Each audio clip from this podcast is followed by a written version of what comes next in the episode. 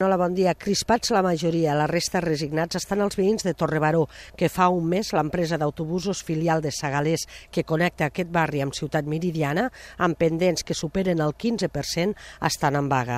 Els serveis mínims limiten entre 3 i 4 trajectes al dia les línies 82 i 83. Aquest grup de veïns, usuaris de l'autobús, es mostraven així de resignats. Hombre, hay mucha subida aquí, mucho desnivel, superan el 15 y el 20%.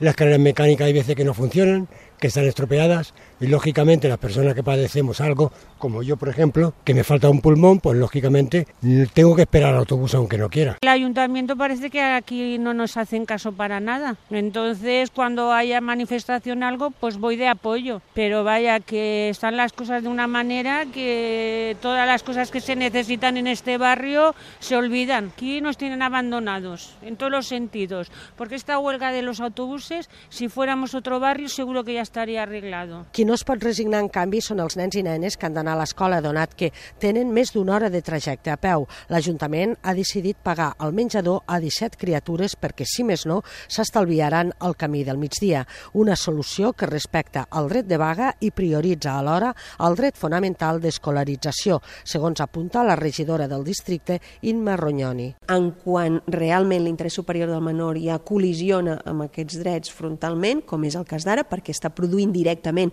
un absentisme escolar. Avui, amb un intent de posar solució al conflicte laboral, els treballadors i l'empresa es reuneixen amb el Tribunal Laboral de Catalunya.